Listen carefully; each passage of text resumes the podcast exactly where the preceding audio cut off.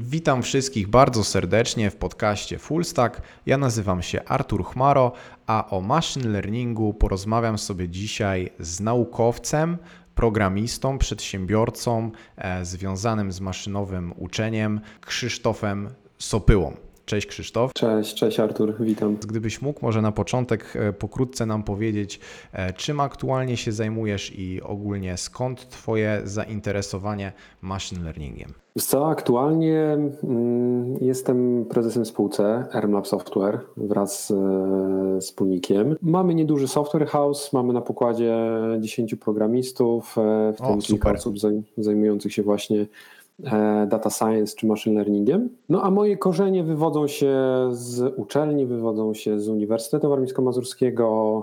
8 lat mniej więcej e, na uczelni, ucząc studentów, prowadząc, e, prowadząc badania. Później przyszedłem 5 lat temu do tej części, bym powiedział, bardziej biznesowej, trochę starając się połączyć jedno, jedno z drugim. To zainteresowanie machine learningiem to masz typowo z uczelni, że ktoś cię tam zainteresował tym tematem, czy bardziej jakoś sam, e, nie wiem, obejrzałeś jakiś science fiction film i, i chciałeś e, trochę współtworzyć jakieś takie roboty, czy jak to wyglądało? Wiesz co, już kiedyś też mi ktoś mi zadał pytanie, zacząłem się zastanawiać i właściwie nie wiem skąd się to wzięło, ale już od małego bardzo interesowałem się komputerami i bardzo mi zależało na tym, aby umieć tym komputerom e, powiedzieć, co mają robić. Tak więc stąd jakby wzięło się programowanie jako takie. E, tylko gdzieś w pewnym, na pewnym momencie programowania zaczęło mi brakować. Mm, w takim wiesz, klasycznym programowaniu rozkazujesz komputerowi, czyli mówisz po kolei, co ma, co ma zrobić. A zawsze mi się gdzieś tam marzyło, żebym ja powiedział tylko swoją intencję, a ten już program potrafił znaleźć najlepsze rozwiązanie, czy dojść samemu do tego, co, co, e, co chcemy osiągnąć. I stąd właśnie ten, ten, ten machine learning gdzieś tam się wziął. E, tak na dobre to gdzieś pojawił się chyba na, tak jak myślę, gdzieś u mnie na piątym roku studiów, no gdzie jakoś gdzieś tak powoli zacząłem się interesować sztuczną inteligencją, właśnie uczeniem maszynowym. Pamiętam wtedy biblioteka Sticky zaczęła się pojawiać. Zdobyłem pracę na uczelni no to jakby w tym kierunku postanowiłem robić doktorat i właściwie zgłosiłem się do, do, do profesora. E, ja, może z tematem to jeszcze, to jeszcze za, za dużo powiedziane, bo ten temat u mnie ewoluował, ale wiedziałem, że na pewno to będzie coś z uczenia maszynowego i, i, i tak, i tak się właściwie stało. Ten doktorat zrobiłem i później, ja wiem, 2012-2013, kiedy, kiedy ten taki hype powoli się zaczynał e, na machine learning, albo może inaczej, te modele stały się na tyle na tyle dobre, że można było zacząć je już powoli używać w, w przemyśle, no to jakby to zaczęło się jeszcze bardziej nakręcać, no aż w końcu zrobiliśmy taki spin-off z moim wspólnikiem, z moim e, przyjacielem z katedry i założyliśmy po prostu spółkę, w której jednym gdzieś tam z celów było, było to, żeby ten machine learning dalej gdzieś promować i wykorzystywać te nasze umiejętności e, z tym związane. Mm, tak więc nie wiem dokładnie skąd się to wzięło, ale, ale no tak, tak gdzieś jakoś pokrótce ta moja historia wygląda i pokrótce tak jakoś to to się ułożyło w moim życiu. No bardzo, e, bardzo fajnie myślę się ułożyło, bo jednak jest to e, temat bardzo przyszłościowy, jednak jak się mm, słucha jakichś wykładów, jakichś raportów Gardnera, jakby do nich sięgnąć, mhm. no to tematyka sztucznej inteligencji pojawia się tam nieustannie, tak? Wszyscy się zastanawiają, jak to zmieni nasze życie, jak to zmieni biznes, jak to wpłynie na, na wiele różnych rzeczy. Czy wiesz, no, właściwie już zmieniło, nie? Większość większość rzeczy, który, z których korzystamy. Ja pamiętam, jak z, też z jednym z moich znajomych zaczęliśmy analizować mniej więcej, kiedy rozpoznawanie głosu weszło i zaczęło tak w miarę, bym powiedział, sensownie, sensownie działać. E, jak jesteśmy teraz już do tego przyzwyczajeni? Ja nie wiem, ja sobie dyktuję SMS-y do, do, do znajomych i zazwyczaj w miarę są ok, w sensie no tam jedna czy dwie poprawki czasami, czasami trzeba, trzeba zrobić, ale, ale no ten machine learning mocno, mocno wszedł w nasze życie i w wielu już sytuacjach jakby jesteśmy, jest to dla nas naturalne, że on gdzieś tam funkcjonuje e, w różnych, w różnych dziedzinach, tak więc to, to, to, to już się zadziało. A będzie pewnie jeszcze ciekawiej, nie? Jednak to jest no taki temat, że, że naprawdę cię, przynajmniej mi no, e, czasami ciężko jest sobie wyobrazić, e, w którą stronę to pójdzie. E, natomiast Ciebie chciałem na początek może zapytać o taką różnicę między uczeniem maszynowym a sztuczną inteligencją, bo Myślę, że mogą nas słuchać osoby mm, bardzo początkujące, które mm, jakby nie czują tej różnicy, a mam wrażenie, że czasami te słowa, ten zwrot jest używany e, zamiennie. Znaczy w Stanach teraz rzeczywiście stało się to synonimami, a właściwie nie jest synonimami. Tak jakby to najprościej powiedzieć, to uczenie maszynowe jest pod zbiorem czy pod dziedziną e, sztucznej inteligencji. Sztuczna inteligencja jako, jako, jako, jako dziedzina informatyki jest zdecydowanie szersza, bo można tam robotykę zaliczyć, planowanie, Jednym słowem, wszelkie inteligentne działanie, które możemy sobie zaprogramować e, przy pomocy komputera. A uczenie maszynowe oczywiście po, pozwala jakby realizować e, te założenia sztucznej inteligencji, czyli pozwala nauczyć się e, takiego inteligentnego, inteligentnego zachowania, ale zazwyczaj opiera się to o jakieś dane, które, które posiadamy, bądź możliwość różnego rodzaju symulacji w ten sposób zbierania czy to danych, czy odpowiednich, czy odpowiednich zachowań. Tak więc mm, w wielkim skrócie uczenie maszynowe ja bym przyrównał do, jakby to ładnie powiedzieć, znaczy, może inaczej. Jednym słowem, uczenie, uczenie maszynowe jest, tu bym chyba taki równa się postawił pomiędzy uczeniem się z danych, a sztuczna inteligencja to jest trochę szerszy, szerszy podzbiór, gdzie nie tylko uczymy się z danych, ale możemy wnioskować, możemy zacząć tam logikę któregoś rzędu do, do różnego rodzaju, czy wnioskowanie jakieś takie aproksymacyjne, czy nawet robotykę można pod to pociągnąć właściwie. Więc no jest to troszkę szersze, szersze pojęcie. No ale rzeczywiście ostatnio jest tam w miarę, w miarę zamiennie zamiennie używany. Gdybyś mógł powiedzieć, od czego zacząć w ogóle z e, naukę uczenia maszynowego? Jak to zrobić dobrze? Jak to po prostu zrozumieć, e, żeby później no, e, było nam przyjemniej, nam programistom, którzy no jednak są nastawieni na taki wynik, tak? Czyli, że coś mhm. napisałem i coś zobaczyłem, coś zadziałało. I coś już można się w tym powiedzieć. Wiesz co, najłatwiej wpisać machine learning tutorial w Google. Znaczy, to trochę się może śmieję, ale E, teraz tych materiałów e, jest naprawdę bardzo, bardzo dużo. Jeszcze kilka lat temu to wszystko, to, to wszystko gdzieś tam powstawało. Teraz są te materiały zdecydowanie łatwiej. Z takich moich najlepszych rzeczy, albo z których, e, z, których ja korzystałem, pamiętam jak się, jak się uczyłem, no to z jednej strony udostępnione wykłady na różnego rodzaju uniwersytetach, E, chyba takim jednym z, ze znanych jest, są wykłady udostępnione przez Stanford i oni tam mają dedykowane właściwie moduły, czy dedykowane zajęcia dla NLP, czyli tam przetwarzania tekstu, dla przetwarzania obrazu, dla rozpozna rozpoznawania mowy i tak dalej, i tak dalej. I większość tych, większość tych technik właśnie jest, jest powiem, omawiana w kontekście, e, w kontekście deep learningu i uczenia, i uczenia maszynowego. Mm, tylko to właściwie są takie materiały, tak szczerze mówiąc, chyba bardziej dla osób już takich średnio zaawansowanych, które są po prostu chcą się dowiedzieć, jak coś rzeczywiście działa pod spodem, z jakich klocków się e, składa. Ale, ale naprawdę te, te, materiały, te materiały mogę, mogę polecić. Z drugiej strony część kursów, które można tam sobie czy na Udemy, czy na Kurserze e, odpalić, e, uważam, że teraz też są całkiem, całkiem spoko. Nie kosztują one dużo, dają jakąś taką usystematyzowaną wiedzę mm, a propos jakby samej idei machine learningu, czyli może wiesz, teraz, na, teraz bardzo na czasie są sieci neuronowe, ale właściwie dobrze zacząć od takich, od takich podstaw, co to jest klasyfikator, co to jest uczenie nadzorowane, nienadzorowane, jak zrobić chociażby klasyfikator, nie wiem, yy, no, w NumPy to taka biblioteka Pythonowa, K najbliższych sąsiadów, jak policzyć podstawowe miary, wiem, precyzję, recall, F1 i, i tak dalej, i tak dalej. To warto zacząć od czegoś, od czegoś takiego. I zazwyczaj te kursy mm, mają gdzieś jakiś taki moduł na, na początku, który, e, który omawia, omawia te tematy. Tak więc to bym chyba tutaj e, na start zaczął właśnie od, od, od takich rzeczy. Później bym przeszedł, znaczy będę to wszystko mówił w kontekście, w kontekście Pythona, bo tak na dobrą sprawę ten, ten Python i R są dwa, dwa takie wiodące języki w machine learningu. Ja mam zdecydowanie większe doświadczenie w, w Pythonie. E, tak więc e, oprócz tych podstawowych kursów poleciłbym bibliotekę Scikit-Learn i dobrze się z nią zapoznać. E, zawiera szereg zaimplementowanych algorytmów, tych takich klasycznych jak najbliższych sąsiadów, SVM, Support Vector Machines, Random Forest, no i tak dalej, i tak dalej. I ma, mm, wielkim plusem jest naprawdę niezła dokumentacja z bardzo dużą ilością przykładów, więc bardzo często można wziąć od nich przykład, zmienić tylko swoje dane i właściwie już mieć jakiś gotowy, móc trenować jakiś, e, jakiś, jakiś model. Mm, no i bardzo łatwo się tym pobawić, bo naprawdę mają sporo przykładów copy-paste, uruchamiasz, bawisz się i sprawdzasz jakieś tam e, różnego rodzaju, czy to algorytmy, czy podejścia, które chcesz zastosować.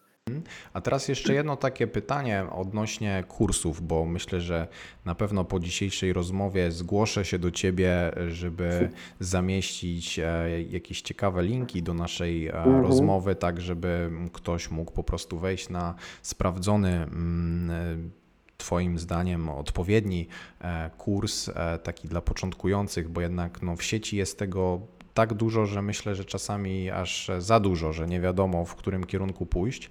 A tu mhm. chciałem jeszcze podpytać o jedną rzecz, bo jednak często jak się rozpoczyna, zwłaszcza takie kursy dla początkujących, to okazuje się, że te kursy jakby zakładają, że my już coś wiemy. I teraz właśnie pytanie, czy mm, jest jakiś taki zestaw, może nie wiem, wiedzy, którą Twoim zdaniem należałoby przyswoić, zanim w ogóle się weźmiemy za ten machine learning? Znaczy, wiesz co, na pewno wymagana jest taka podstawowa wiedza z matematyki na takim troszkę wyższym poziomie niż, niż licealna, żeby wiedzieć, co to jest macierz, żeby wiedzieć, co to jest wektor, umieć jakieś podstawowe operacje na tych macierzach e, wykonać, czy chociażby, nie wiem, dodać do siebie te dwie macierze, wyciągnąć dany wiersz, daną kolumnę, wiedzieć, co to jest, nie wiem, norma wektora. E, to kilka takich podstawowych pojęć daje, no bo one jakby funkcjonują w tym świadku machine learningowym, w związku z czym, żeby chociażby czytając jakiś tutorial, czy no, może nawet nie artykuł, no, ale powiedzmy czytając jakiś tutorial albo biorąc udział w jakimś, w jakimś, w jakimś kursie, rozumieć, co jest, e, o czym, o czym jest mowa, no to tutaj to, to, to, tutaj to, no ale to zakładam, że osoba e, po informatyce to, na, to, to na, na pewno miała gdzieś taki, taki kurs nie, i ta, ta podstawowa wiedza z takiej algebry liniowej powinna, powinna wystarczyć. E, z drugiej strony no dobrze umieć programować w czymś, czyli rozumieć te wszystkie podstawowe konstrukcje, co to jest pętla, co to jest klasa, co to jest funkcja i tak dalej, i tak dalej, no bo siłą rzeczy w machine learningu się programuje, w związku z czym nie jest, nie ma programu, który sobie odpalisz i coś tam wyklikasz i coś, coś, ci, tam, coś ci tam wejdzie. Czyli, znaczy może nie ma, no, no, no są, ale są w bardzo uproszczonej, bardzo uproszczonej wersji i bardziej jako takie demo bądź jakieś pokazówki niż, e, niż rzeczy, które rzeczywiście E, można byłoby jakoś tam powiedzmy produkcyjnie, produkcyjnie wykorzystać. E, tak więc no, te, te, te programowanie jest tutaj, tutaj potrzebne. Fajnie, jeżeli by ktoś umiał programować w Pythonie, no bo duża część bibliotek, albo może inaczej, nie, no duża część bibliotek jest napisana w Pythonie i ten Python jest tutaj takim wiodącym, wiodącym językiem. Sporo też materiałów jest do ERA, tak więc jeżeli ktoś, e, jeżeli ktoś programował w Erze, to także to jest dosyć dobry, E, dobry start, żeby wykorzystać jakąś konkretną bibliotekę erową do, e, do machine learningu. No, z kolejnej strony, jeżeli zależy nam tylko na wyniku, a nie chcemy wiedzieć, jak tam poskładać, nie wiem, czy sieć konwolucyjną, czy, czy wykorzystać jakąś, nie wiem, sieć typu transformer, czy, czy rekurencyjną, no to jest też dosyć dużo poudostępnianych różnego rodzaju API, takich machine learningowych, gdzie Oczywiście trzeba to znaleźć, tą, tą, tą, swoją, tą swoją niszę do, do, tych takich podstawowych problemów, jak rozpoznawanie języka, czy rozpoznawanie obrazów, czy wykrywanie lokalizacji podstawowych e, obiektów na, na, na obrazach. No to te API zazwyczaj są przygotowane. Mm, w kontekście obrazów jest troszkę łatwiej, bo, to, bo, bo obraz jest takim bardzo uniwersalnym, e, uniwersalnym medium. W kontekście języka Dla języka polskiego, jeżeli komuś by zależało, jest troszkę, jest troszkę trudniej, no bo tutaj właściwie mm, w większości wypadków istnieją modele per język. Y, tak więc, jeżeli komuś by zależało na języku na przykład polskim, żeby, nie wiem, robić jakieś rozpoznawanie, nie wiem, klasyfikację tekstu dla języka polskiego, czy rozpoznawanie name entity recognition y, w, w tekście, no to tutaj dla polskiego mógłby być większy problem. Dla angielskiego nie ma, nie ma, nie powinno być większego problemu, bo i większość dostawców chmurowych, Amazon, Google e, czy, czy Microsoft mają to w swoich tych rozwiązaniach chmurowych jakiś moduł ML-owy, czy to związany z językiem, czy z obrazem. Tak więc też istnieje taka, taka możliwość, żeby zacząć, zacząć w ten sposób, czyli poszukać jakiegoś API restowego do konsumpcji i się po prostu tym API pobawić. Prawda, nie będziemy wiedzieć, jak, co tam jest pod spodem i jak to działa, ale już w naszym projekcie będziemy mogli wykorzystać jeżeli ktoś jest zainteresowany takim zdobyciem wiedzy i, i, chce wiedzieć, jak to, jak to działa, to rzeczywiście kursy i to odrobina matematyki i programowania jest niezbędna. A jeżeli ktoś chce tylko z tego skorzystać i się tym pobawić, no to dobrze byłoby poszukać różnego rodzaju API, no, w zależności od tego, co on tam, co, co on tam dokładnie chce. Nie?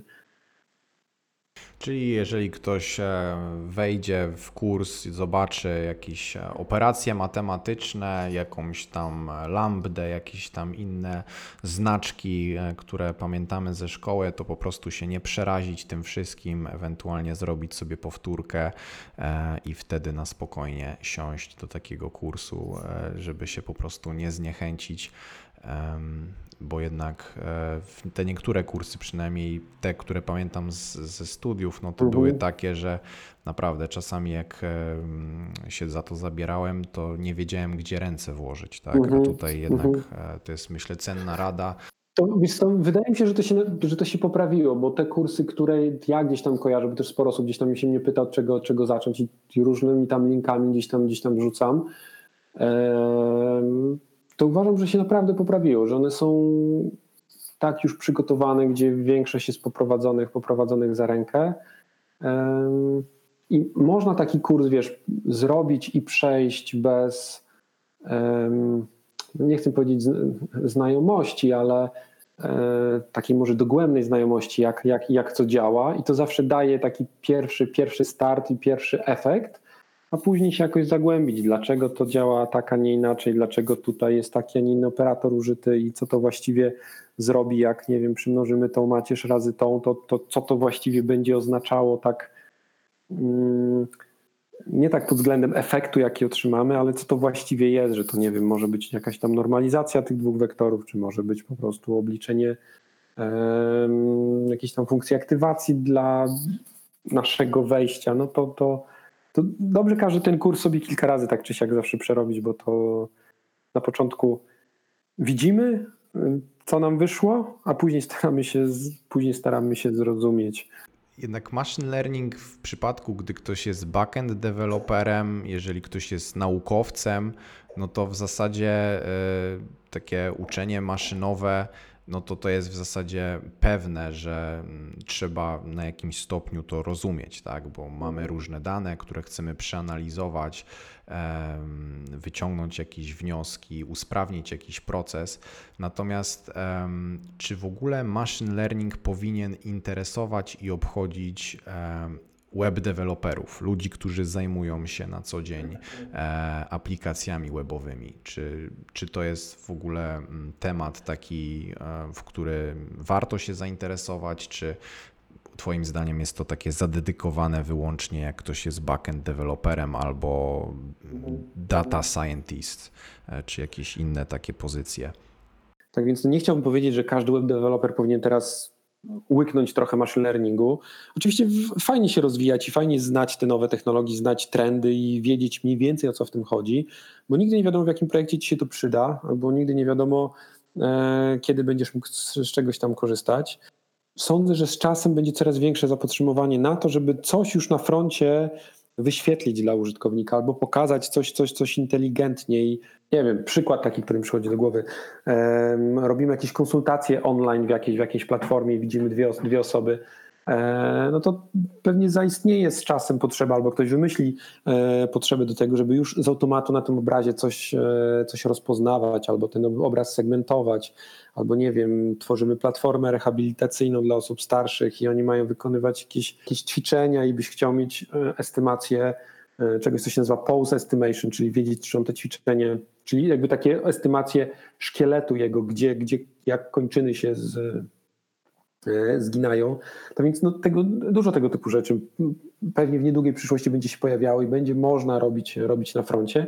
I pewnie takich osób będzie brakowało i takie osoby będą potrzebne, które z jednej strony będą rozumiały machine learning, potrafiły skonsumować model e, taki machine learningowy, chociażby e, udostępniony przez, przez API, albo z drugiej strony umieć uruchomić już jakiś wcześniej przetrenowany model bezpośrednio, bezpośrednio w przeglądarce. Tak więc to też i w kontekście tego, że i sprzęt działa szybciej i, i te silniki JavaScriptowe działają już całkiem dobrze, nie wiem, w kontekście tego, że e, część tych takich bibliotek pewnie zostanie przyniesiona jako WebAssembly, no i tak dalej, i tak dalej, to pewnie za jakiś czas taka rewolucja może to za duże słowo, ale no taka potrzeba na rynku się pojawi. Osób, które potrafią robić front, a jednocześnie potrafią na tym froncie skorzystać e, z jakiejś tam e, biblioteki Java, e, w JavaScriptie, która potrafi wczytać dany model i coś i zrobić jakąś predykcję czy to na obrazie, czy na tekście, no to to już zależności. Co ja właśnie jak się zastanawiałem przed naszą rozmową e, nad machine learningiem i, i, czy jest w ogóle sens robić to na froncie, prawda? Bo mhm. e, pierwsze co mi przyszło do głowy, no to przede wszystkim to, że no mamy jeden wątek póki co, jeżeli mhm. chodzi o przeglądarki, ale lada moment, tak jak wspomniałeś, WebAssembly to jakby skróci drogę między przeglądarką, mhm. a tak naprawdę nawet e, procesorem graficznym. Mhm. E, później jeszcze kwestie takie, e, co ostatnio w ostatnim podcaście rozmawiałem na temat Progressive Web Apps, że mamy możliwość tak, tak naprawdę wykonywania operacji jakichś w tle no to, mhm. E, to też na pewno ten jeden wątek znaczy, nam. Wiesz co, Artur, ja bym tu jeszcze rozdzielił to na dwie rzeczy, bo z jednej strony e, w takim machine learningu zazwyczaj mamy jakby dwie, dwa aspekty. Z jednej strony aspekt treningu modelu i uczenia modelu mhm. i to rzeczywiście może po stronie, po stronie frontu nie jest... E, nie ma sensu. Nie ma sensu na chwilę obecną, tak, no bo tu zazwyczaj potrzebna jakaś większa moc obliczeniowa jest ale bardzo często teraz zaczyna się stosować coś, co się nazywa transfer learning, czyli mamy już przeuczony jakiś model na bardzo dużej ilości danych, który mm, potrzebuje dużej mocy obliczeniowej. E, my, my go gdzieś tam dotrenowujemy w, naszej, w, naszej, w naszym kontekście czy w naszej dziedzinie, i później jest ten etap predykcji, czyli tego, że dostajemy nowe jakieś egzemplarze i używamy naszego modelu do tego, żeby coś nam, mm, e, coś nam zwracał, czyli coś nam przepowiadał, jak, e, co nie wiem, na obrazie czy w tekście interesującego się znajduje. W związku z czym na chwilę obecną widzę duże zastosowanie do tego, żeby umieć wczytać model już wcześniej przetrenowany i właśnie na froncie robić tą predykcję. I to jest, i to jest na pewno taka duża, niezagospodarowana nisza i to jest na pewno coś, co, co, co w najbliższych latach pewnie mocno, mocno się rozwinie. E, no bo skraca to czas, zmniejsza obciążenie serwera i tak dalej, i tak dalej. I uważam, że tu jest dosyć, dosyć dużo zalet e, tego typu rozwiązań. A z drugiej strony bardzo fajnie można, jak masz taki wiesz, przetrenowany model wstępnie, E, bardzo fajnie te modele można, tak jak powiedziałem, dotrenowywać e, per użytkownik, czyli wyobrażam sobie taki case, że mam model ogólny, mam iluś użytkowników, którzy logują się do mojej aplikacji, ja w jakiś sposób dotrenowuję ten model już w przeglądarce per dany użytkownik, mhm. dzięki czemu, nie wiem, mogę tak, tak, mieć dokładnie coś w Twoim kontekście, nauczyć się jakichś tam Twoich pewnych zachowań, czy tego, jak Ty wolisz coś tam, żeby było wyświetlane, czy no, no, jakby szereg tutaj taki, takich zastosowań można sobie, sobie wymyśleć. Tutaj, tutaj też wydaje mi się, że e, fajnym jakby mm, zastosowaniem, czy, czy wręcz zaletą, jeżeli chodzi o, tą, o ten taki case, który omówiłeś, czyli że mamy już wcześniej e, przez specjalistów stworzony, wytrenowany model, jego w jakiś sposób używamy na frontendzie, to to nam Mhm. daje takie coś, że tak naprawdę nasze prywatne dane mogą nie opuszczać e, Tak. naszej przeglądarki, tak? Czyli na Tak. przykład jak ja mam swoje zdjęcia i nie życzę sobie, żeby ktoś je miał na swoim serwerze, ale życzę sobie, żeby na przykład e, algorytm mi rozpoznał twarze, że ja mogę sobie coś z nimi zrobić, tak? No to wtedy jest to, wydaje mi się, też e, taka no, wartość dodana, że moje dane nie opuszczają mojej przeglądarki, a mogę skorzystać z tych modeli. No to uważam jest właśnie jest idealny case do tego, do tego żeby, żeby używać machine learningu na froncie, nie? że e, nie wysyłasz tego zdjęcia do jakiegoś API, które jakby nie wiesz do końca, co się z tym zdjęciem zadzieje, tak? Tak. Czy ktoś go nie będzie tam trzymał odpowiednio długo, albo nie będzie używał do jakichś e, dalszego, Niecnych celów. dalszego treningu. E, A tu rzeczywiście masz, możesz mieć pełną kontrolę nad tym, żeby te, te, dane prywatne zostały przy użytkowniku w jego przeglądarce i nie, puści, nie opuściły jakby jego komputera. No to, jest, to, jest, to jest bardzo dobry przykład, uważam. Jeżeli chodzi o frontend i, i e, uczenie maszynowe, no to wydaje mi się, że takim przełomowym momentem było wydanie TensorFlow e, JS, bo Mhm.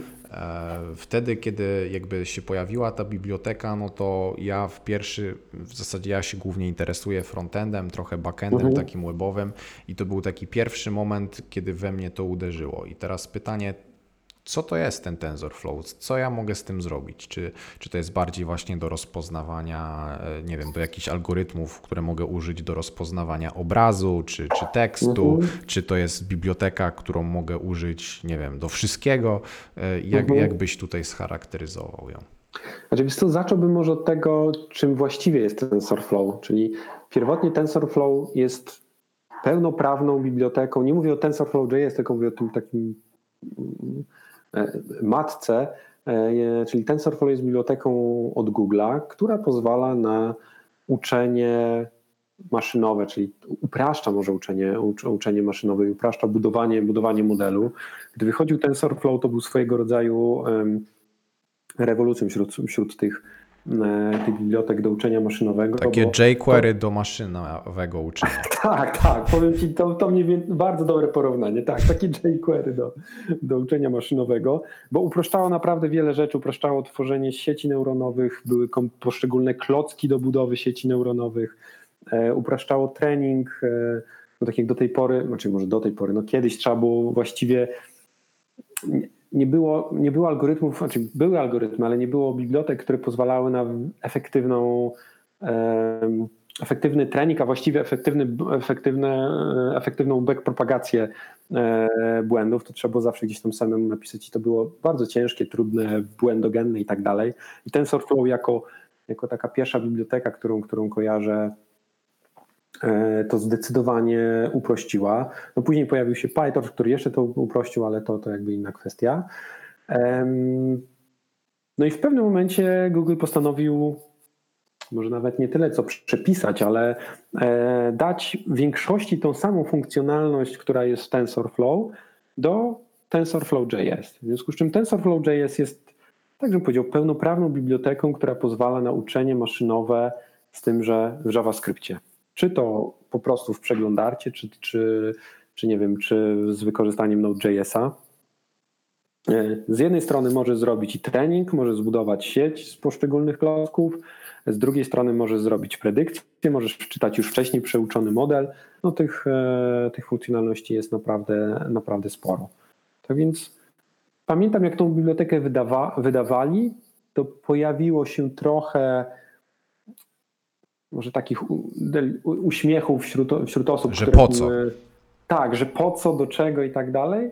A teraz wiesz, z perspektywy czasu, nie wiem już ile ona tam lat istnieje, ale podejrzewam, że z 2 czy 3 lata na pewno na pewno na rynku jest.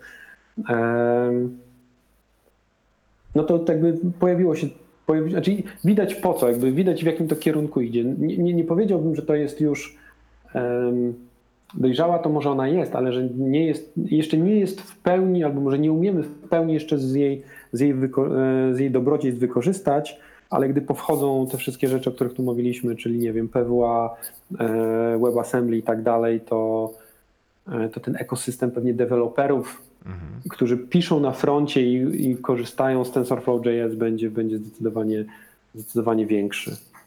No tak, taki jeden znany programista, teraz e, zapomniałem jego nazwiska, powiedział kiedyś, że jeżeli coś może zostać napisane w JavaScriptie, to pewnego dnia zostanie napisane. I tutaj wydaje mi się, że, że tak samo było z TensorFlow, ale myślę, że to dobrze, tak, bo tak jak rozmawialiśmy przed może samym e, nagraniem, że jeżeli ktoś e, zna JavaScript, e, to taki TensorFlow.js e, lepiej się w nim odnajdzie niż w kompletnie nowym języku, prawda? A jednak mhm, mhm. JavaScriptu, JavaScript deweloperów przybywa pewnie każdego dnia najwięcej, więc mhm. wydaje mi się, że siłą rzeczy e, ktoś, e, znaczy dla kogoś ta biblioteka na pewno się przyda, a jak ktoś będzie chciał zrobić bardziej zaawansowane rzeczy szybciej i tak dalej, to na pewno sobie wtedy sięgnie po jakieś lepsze narzędzia, na przykład z Pythona, tak jak już tutaj mhm. E, mhm. wspominałeś. Zmierzam... To, to, to, pewnie się właśnie podzieli w ten sposób, że z jednej strony z jednej strony będą ludzie, którzy uczą modele i którzy produkują wyuczone modele, a z drugiej strony będą ludzie, którzy wykorzystują te modele już do, do jakiegoś tam konkretnego, konkretnego zadania. W związku z czym tu taki jest naturalny podział, że ci, którzy uczą, prawdopodobnie będą uczyli dalej w Pythonie i będzie potrzebna duża moc, a ci, którzy będą chcieli wykorzystać czy korzystać z tych modeli, które już są przeuczone, będą w różnych językach po prostu brali ten, ten, ten model, no bo ten przeuczony model to jest, to jest po prostu plik, trzeba go wczytać i, i wczytać architekturę tej sieci i przewidywać to, co chce się, chce się przewidywać. Mm -hmm. Chciałbym już zmierzać e, powoli do końca dzisiejszego podcastu, e, więc mam tutaj parę takich pytań szybkich, które przyszły mm -hmm. mi tak e, do głowy w zasadzie w trakcie naszej dzisiejszej rozmowy, więc nie muszą być to takie wyczerpujące odpowiedzi, ale bardziej mi chodzi o to, żeby złapać jakby Twój punkt widzenia, bo jednak z machine learningiem masz do czynienia bardzo dużo. To jest Twoja mhm. praca. E, więc stąd mnie właśnie ciekawi Twój punkt widzenia na niektóre kwestie. I teraz na przykład kilka tygodni temu, czy miesiąc temu jakoś było takie głośne mm, ogłoszenie, e, że Google poczynił postępy, jeżeli chodzi o procesory kwantowe. I teraz, mhm. czy to ma jakiś w ogóle wpływ na machine learning, czy jednak machine learning jest taką dziedziną, gdzie aż tak dużego znaczenia to nie ma, czy po prostu tak naprawdę nie wiadomo, co to, co to zmieni? Znaczy, no, najbezpieczniej teraz powiedzieć, że jeszcze nie wiadomo, ale um, uważam, że to, to, to jakby z jednej strony. Z drugiej strony, patrząc e, pod tym kątem, że wiele modeli, które, które teraz są gdzieś są uczone, potrzebują naprawdę kolosalnej ilości zasobów. Te modele są uczone tam, nie wiem, na 250 GPU przez tydzień na przykład. E, to możliwość zaprzęgnięcia do, do właściwie do, do, tego procesu uczenia, bo ten proces uczenia to jest pewna forma optymalizacji e, komputerów kwantowych, no wydaje się, że przyspieszy tą, tą dziedzinę dziesięciokrotnie, bym powiedział, jak, jak, nie, jak nie tysiąckrotnie, tak? Jeżeli masz możliwość e, uczenia modelu, który teraz się uczy tydzień czasu na 250 e, GPU czy na 1000 GPU, e, a masz tą możliwość, a zakładam, że takie przyspieszenie będzie no, rzędu kilkuset co najmniej, co najmniej procent i masz możliwość skrócić ten czas stukrotnie, no teraz, że możesz przeuczyć więcej modeli w tym czasie, a dwa, że możesz po prostu dłużej uczyć. W związku z czym możesz znaleźć, znaleźć lepszy, mm, lepszy model docelowo. Tak więc te komputery kwantowe i AI to jest na pewno duża, duża przyszłość i tutaj będzie pewnie wielkie połączenie jednego, jednego i drugiego, czyli gdzieś za jakiś czas e, algorytmy pewnie będą przechodziły w stronę albo może algorytmy treningu będą przechodziły w stronę tego, jakie, jak tym, jakie uruchamiać na, na komputerach kwantowych, jak właściwie jak właściwie trenować sieć na komputerze kwantowym. Takie gdzieś tam już projekty się tam powoli, powoli pojawiają. To, to jeszcze na razie, na razie bardzo daleko do tego. Ale... No tak, bo nie ma narzędzi, nie ma no. pewnie systemów operacyjnych, bibliotek, które tak mhm. naprawdę umieją się dogadać z tym kwantowym procesorem, prawda? Znaczy, wiesz, właściwie jeszcze w większości wypadków samych algorytmów jako takich nie ma, nie? bo to jest zupełnie inny paradygmat programowania. To, to, to tak łatwo się tego, znaczy to trzeba będzie zmienić e, filozofię e, programowania I te, i te algorytmy, które teraz mamy, nie sądzę, że tak jeden do jednego będą przenaszalne na, e, na, na komputery kwantowe, ale no ale tak czy siak tutaj, tutaj widzę wielką, wielką synergię i ja jakby z wielkim zainteresowaniem gdzieś tam obserwuję i, e, i patrzę na te rzeczy, które dzieją się w tej, tej części kwantowej, szczególnie właśnie w kontekście AI jako, jako takiego, bo to, to na pewno za jakiś czas wybuchnie. Nie wiem za ile, ale, ale pewnie jak ktoś pierwszy będzie w stanie trenować sieć, udostępni, te komputery staną się troszkę bardziej powszechne i będzie możliwość udostępnienia tego, to, to może inaczej, państwo, które, pewno, które będzie miało to w swoich zasobach, będzie miało naprawdę ogromną przewagę, uważam, w, na wszelkich polach. No tak, bo to zawsze jednak jest, że właśnie ten przemysł militarny, zbrojeniowy, e, on ma wręcz nieograniczone budżety i to pewnie taka pierwsza, te, te first adoption to pewnie będzie w tej sferze. E, tu chciałem jeszcze Cię podpytać o jedną rzecz, bo e, wcześniej wspomniałeś o tym, że jest dużo takich API, które na przykład frontend developer może konsumować, tak? czyli mhm. nie mieć styczności z machine learningiem, a po prostu używać tych API. No i teraz zawsze jak tak myślę sobie o tym, że mamy takiego Amazona, Google'a, Apple'a i takie wielkie firmy, które tak naprawdę mają nieograniczone budżety, które mają potężne serwerownie, wręcz nieskończone możliwości obliczania tych danych, no to oni jakby mogą sobie bardzo łatwo wytworzyć takie usługi typu, że na przykład, nie wiem, ja wysyłam do API swój głos, a one mi zwracają w odpowiedzi coś, e, co mhm. powiedziałem i nieważne, czy to powiedziałem po chińsku, czy po portugalsku, czy po polsku e, i kasują mnie za takie, nie wiem, mhm. jeden call do API, kasują mnie, nie wiem, tam jedną setną grosza, no. tak?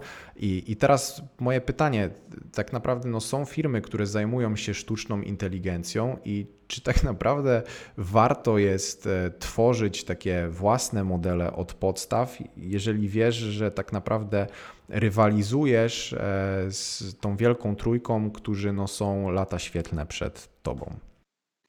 Wiesz, to, to, to, nie jest do końca, bo ta wielka trójka skupia się na tych najważniejszych problemach, czyli na przykład, tak jak wspomniałeś, jednym, jednym z tych problemów jest na pewno rozpoznawanie mowy, e, czy transkrypcja mowy, e, czy synteza mowy. To są tak ogólne problemy, że no jakby im, się, im się opłaca tym problemem, tym problemem zająć. A, mm, no i oni na pewno nie zajmą się takimi problemami.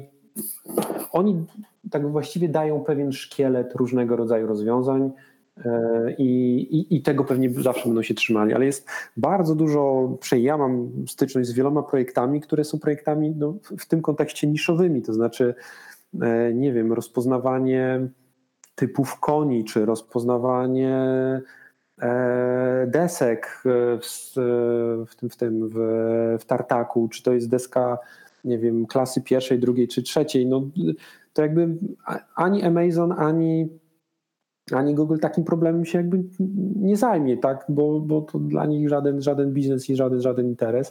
W związku z czym no, tutaj ci data scientiści są potrzebni e, właśnie w takim kontekście takich bardzo e, konkretnych i dziedzinowych czy domenowych, domenowych e, rozwiązań, no to, to, to, to no to tak, no to na pewno nie będą konkurować z Googlem, mogą ewentualnie wziąć ich jakiś przetrenowany wstępnie model, nie wiem, do na przykład klasyfikacji zdjęć e, i go jeszcze dotrenować na swoich, nie wiem, deskach na przykład, albo rodzajach koni, czy tam gatunkach koni, czy ps, koni, czy psów, czy, czy jakiegokolwiek innego zwierzaka. No, tak więc no tutaj jest bardzo duże pole do, do, do, wykorzystania z jednej strony tego, co, co ci e, wielcy zrobili, a z drugiej strony do, do tego, żeby na ich, na ich e, pracy zbudować coś takiego customowego dla danego, dla danego mhm. konkretnego klienta. Czyli gdyby cię jakiś właśnie młody startuper e, z branży e, AI prosił o radę, to byś powiedział, żeby zająć się niszą, czyli nie budować kolejnej usługi do rozpoznawania języka polskiego w sensie na przykład mojego głosu, tak? Tylko mhm. bardziej skupić się na jakichś takich e, niszowych, domenowych e, projektach, e, które po prostu no, dla takiego Google'a, Amazona e, nie są opłacalne, żeby oni się tym zajęli.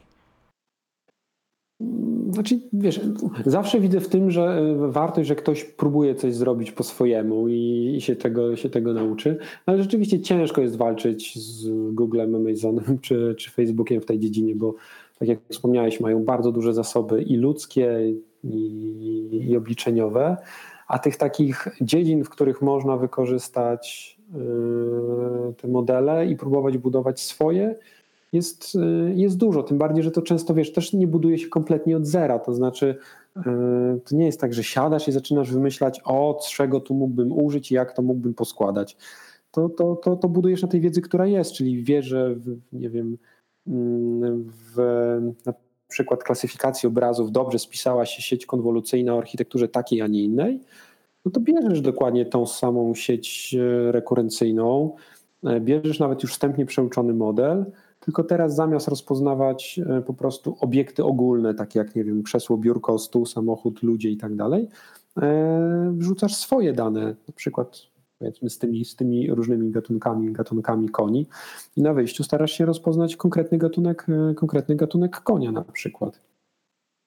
E, tak więc to, to, to, to, to, bardziej tutaj aplikujesz pewne rzeczy, czyli znasz, jakie, wiesz, jakie modele e, gdzieś tam funkcjonują na rynku i się sprawdziły w jakich, w jakich kontekstach. Bierzesz ten model, dotrenowujesz albo przeuczasz go na swoich danych, no i patrzysz, i patrzysz co wychodzi. Mhm, mhm. E, jeszcze chciałem Cię podpytać, e, czy jest jakiś taki projekt związany z machine learningiem, który obserwujesz od dłuższego czasu i wydaje Ci się bardzo ekscytujący? Jest to dwa projekty, które mnie jakby ostatnio zafascynowały. Czyli to są bardziej biblioteki niż e, i, związane jakby z moją pracą. No to jest PyTorch, biblioteka w Pythonie właśnie do budowy sieci neuronowych. A druga biblioteka, która ostatnio, e, w sumie dwie, które ostatnio mi, jedna mi mocno pomogła, to jest taka biblioteka PyTorch Transformers. Ona jest, e, jest to biblioteka do NLP, która pozwala uruchomić już gotowe modele przeuczone dla różnego rodzaju języków i tutaj ten, ten nazywa się Transformers, bo modele, ostatnie modele języka bazują na takiej architekturze, która się nazywa Transformers i ona po prostu poczyniła rewolucję w mm, właściwie w uczeniu e, i rozpoznawaniu języka naturalnego. E, no i trzecia biblioteka to jest biblioteka PyTorch Lightning, która pozwala jakby w końcu ktoś fajnie zrobił bibliotekę, która dokonuje abstrakcji tych podstawowych takich modulików z uczenia maszynowego, czyli jest moduł do wczytywania danych, gdzie te dane są odpowiednio cache'owane, odpowiednio preloadowane, e, jest moduł do mm, dzielenia tych danych na, na części odpowiednie, jest moduł do, e, do treningu na wielu GPU, gdzie już nie trzeba tego samemu pisać, tylko po prostu podajesz flagę i, i mówisz na, na ilu GPU to ma zostać uruchomione i ta biblioteka jakby zajmuje się tym, żeby ten ciężar jakby z ciebie zdjąć, a ty właściwie e, tworzysz tylko architekturę, e, architekturę sieci. To z takich kodowych rzeczy, to są takie biblioteki, które mnie ostatnio mocno e, mocno śledzę i, i, i, dużo, dużo mi gdzieś tam, gdzieś tam pomogły. Z takich projektów wyżej poziomowych to bardzo fajne rzeczy robią w DeepMindzie i bardzo fajne rzeczy robią w OpenAI. Mm, trochę w kontekście takiego podejścia do, do, ogólnej, do, do, do ogólnej sztucznej inteligencji, czyli... DeepLink, przepraszam, że ci przerwę, to jest ta firma od Elona Muska? E, OpenAI? E, a, właśnie, OpenAI, tak, tak, tak, dobra. Znaczy, tak, no to tam zainwestował Elon Musk. To jest, to jest właściwie, wiesz, OpenAI jest właściwie fundacją jako, jako, jako taką chyba formalnie. Ale tak, tam zainwestował Elon Musk i Microsoft kosmiczne pieniądze tam zainwestował. Tak więc to, to, to nie jest tylko jego firma, tylko, tylko on bardziej po prostu włożył, włożył pieniądze. No I robią naprawdę fajne rzeczy mm, związane z taką ogólną sztuczną inteligencją, czyli y, chociażby próbują, nie wiem, uczyć różnego rodzaju agentów do inteligentnego zachowania, y, czyli no, próbują uczyć tych, tych agentów i co, i co jakiś czas wydają po prostu e, jakiś artykuł, w którym wiesz, jak patrzę, czytam albo oglądam filmik z tego, co zrobili, to, to, to, to, to, rozwala mi czachę, e, że takie rzeczy, że takie rzeczy się dzieją. E, to nawet dzisiaj mi e, znajomy pokazał filmik właśnie z OpenAI, gdzie uczyli w takim symulowanym środowisku dwóch agentów e, grać w chowanego Czyli było dwie, dwóch agentów, dwa takie ludziki animowane, które miały szukać i dwa takie ludziki, które miały się chować. No i była taka tam uproszczona plansza e, z jakimiś tam ścianami, przeszkodami, boksami i tak dalej. E, no i no i kolejno pokazując, czego ci agenci się wyuczyli, że na, na początku próbowali uciekać, chować się jeden za drugim, a później zaczęli E, się uczyć tego, żeby blokować wejścia boksami, to później kolejny zaczął się uczyć tego, że e, zaczął wchodzić na inny boks i przeskakiwać przez ścianę, aż w końcu po takie rzeczy, których, których nikt się nie spodziewał, e, że zaczęli tak jakby Mm, eksploitować niedoskonałości silnika fizycznego, czyli że były takie miejsca, w których mógł na przykład wyskoczyć dużo, dużo wyżej niż, niż jakby fizyka na to pozwala i w ten sposób jakby wiesz... Ukryć się na wieczność. Wybić się do góry i zobaczyć, gdzie się ktoś schował, nie? I, i jak to właśnie obejrzałem, to, to, to jakby utwierdziło mnie trochę w takim przekonaniu, że takich, niektórzy obawiają się tej sztucznej inteligencji, to jakby ja się jakby nie obawiam, tylko bardziej się obawiam tego, że ona może nas przechytrzyć, w takim sensie, że znaleźć takie rozwiązania, które są tak nieoczywiste dla nas, o których my możemy nie pomyśleć i przez to nam może w jakiś tam sposób zaszkodzić, bo no nikt z nich się nie, nie spodziewał tego, że no właśnie te ludziki będą mogły, znajdą jakby błędy w tej, w tej fizyce, albo może nie tyle, że błędy w tej fizyce, co e, nikt nie, nikt nie pomyślał, żeby jakby takie ograniczenia na, nałożyć na to, że nie mogą tej, z tej fizyki tak, a nie inaczej skorzystać. E, zresztą podobnie, e, podobnie, podobnie działa trochę DeepMind, ten googlowy, jak poszukasz na YouTubie tego, co nie zrobili z, z grami, czy tam StarCraftem i tak dalej, to wyuczyli agentów do grania, nie wiem, chociażby w StarCrafta czy w Dotę przeci, przeciwko ludziom. I mm, jest kilka takich bardzo ciekawych wywiadów już właśnie z tymi graczami. Oni mówią, że się nigdy nie spotkali z takim typem strategii. W sensie żaden człowiek tak nie zagrał, albo są tacy bohaterowie, których mm, ludzie uważali, że oni są słabi, albo nie chcieli z nich grać a ta sztuczna inteligencja potrafiła odnaleźć ich zastosowania i jakby um, wykorzystać, e, tak, kompletnie wykorzystać nowe to, strategie. Nikt, tak, tak. Coś, czego nikt inny do tej pory nie zauważył. Nie? To, to jest. Um, to z takich projektów, to no, projektów, może bardziej firm, to, to te dwie firmy gdzieś tam śledzę i, i, i patrzę, co, co tam nowego e, wydają. I z jednej strony takiego bym powiedział dla, dla ludzi, a z drugiej strony tego, co piszą w, w artykułach, bo też dosyć dużo publikują różnego rodzaju rzeczy i, i są to rzeczy, które gdzieś tam wykraczają poza to, co, co, co teraz gdzieś tam się pojawia w, w tym uczeniu, a co prawdopodobnie będzie za kilka lat jakimś tam standardem pewnie. Mhm. To to na pewno podlinkujemy te e, dwa projekty, w zasadzie firmy, organizacje, fundacje, jak, jakkolwiek to możemy nazwać. Jeszcze mam do Ciebie dwa pytania szybkie. Mm, jedno myślę, że jest trochę kontrowersyjne, czyli e, czy uważasz, że kiedykolwiek możemy się spodziewać takiej sztucznej inteligencji na świecie jak z Terminatora? No, na razie wiesz co, uważam, że nie. To jest dla nas naprawdę długa droga.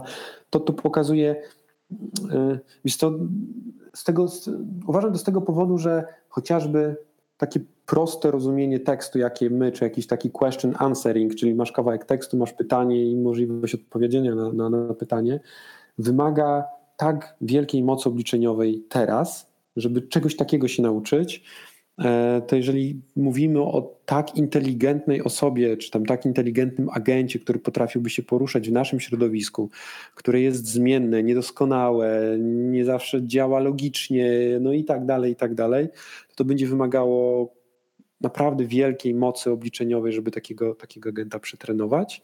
Procesora e... kwantowego może. Tak, tak, no może to będzie ten, może to będzie ten, wiesz, ten e, E, ten czas i, i do tego ta technologia może zostanie, zostanie wykorzystana, no ale to podejrzewam, że jeszcze nie prędko, tak więc 30-40 lat, zanim pewnie coś takiego zobaczymy. Okej, okay. i bonusowe pytanie, które od jakiegoś czasu zadaję swoim rozmówcom. E, czy wierzysz w istnienie innej obcej cywilizacji w naszym wszechświecie? Wiesz co, wierzę, bo raczej dla mnie jest, to czy wierzę, wierzę... Typowy matematyk, że statystycznie tak, to jest staty konieczne. Tak? Statystycznie tak? powinno, powinno wychodzić, że jest, ktoś gdzieś istnieje. Wszechświat jest na tyle ogromny, e, tyle dużo, że tak powiem, gwiazd na niebie jest, wokół których może istnieć, e, istnieć życie.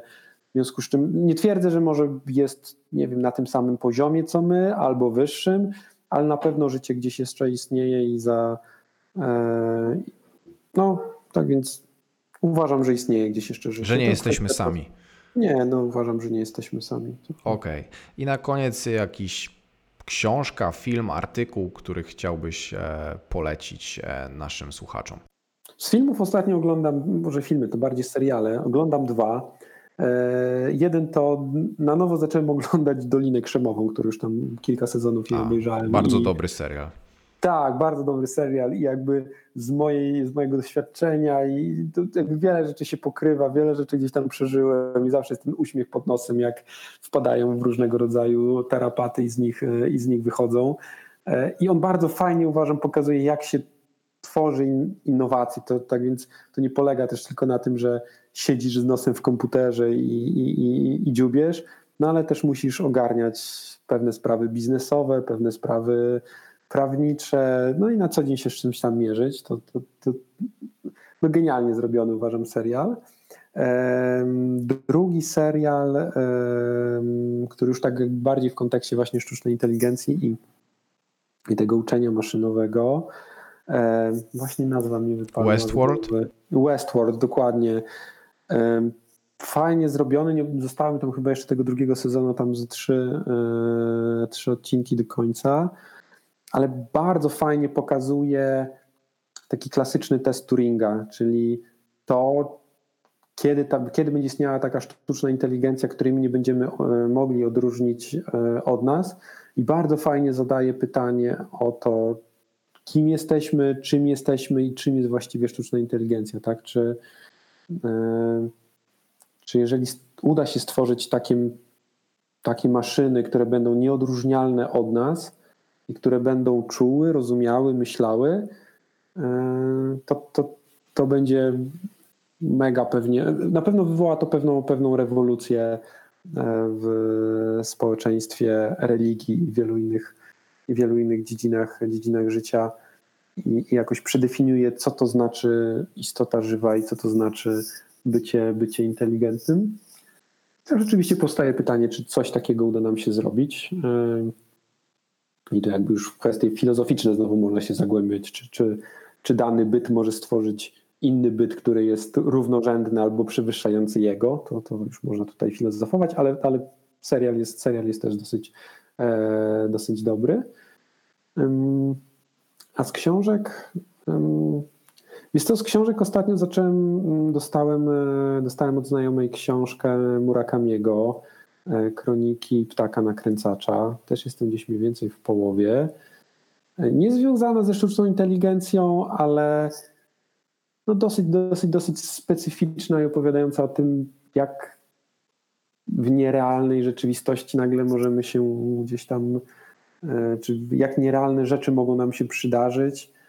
E, nie przeczytałem jeszcze do końca, tak więc nie wiem, jak to się tam zakończy, ale jest bohater, któremu przydarzają się, akcja się dzieje w Japonii, przydarzają się mu dziwne nagle sytuacje, dziwne zbiegi okoliczności, dziwne telefony, żona go opuszcza i to tak, jestem na razie etapie, że tak widać, że wszystko się splata w jeden, w jeden jakiś taki wątek. Fajnie, fajnie jest pokazane to, że są pewne wydarzenia, e, które prowadzą do jakiegoś, do jakiegoś celu, e, które mogą się wydawać dla nas przypadkowe, albo mogą, możemy sobie nie utożsamiać tego, że to jest wynikiem działania jakiejś, jakiej bym powiedział, E, nadludzkiej, nadludzkiej siły. Nie wiem, jak to się jeszcze ta książka zakończy, ale, ale no pozwala tak, tego, typu, tego typu pytania sobie, e, sobie zadać. Całkiem, całkiem fajna, fajna powieść. Brzmi ciekawie. Mógłbyś powtórzyć tytuł tej książki? E, Kroniki ptaka nakręcacza okay. Murakamiego. Okej, okay. podlinkujemy to też pod naszą dzisiejszą e, rozmową. E, Krzysztof, e, chciałbym Ci bardzo podziękować e, za to, że znalazłeś czas i wprowadziłeś mnie i słuchaczy e, w świat e, machine learningu. Życzę Ci samych sukcesów, zarówno na drodze naukowca, jak i przedsiębiorcy. No i dziękuję jeszcze raz za poświęcony czas. No ja również, Artur, bardzo dziękuję za, e, za spotkanie. No mam nadzieję, że wyjdzie fajny podcast.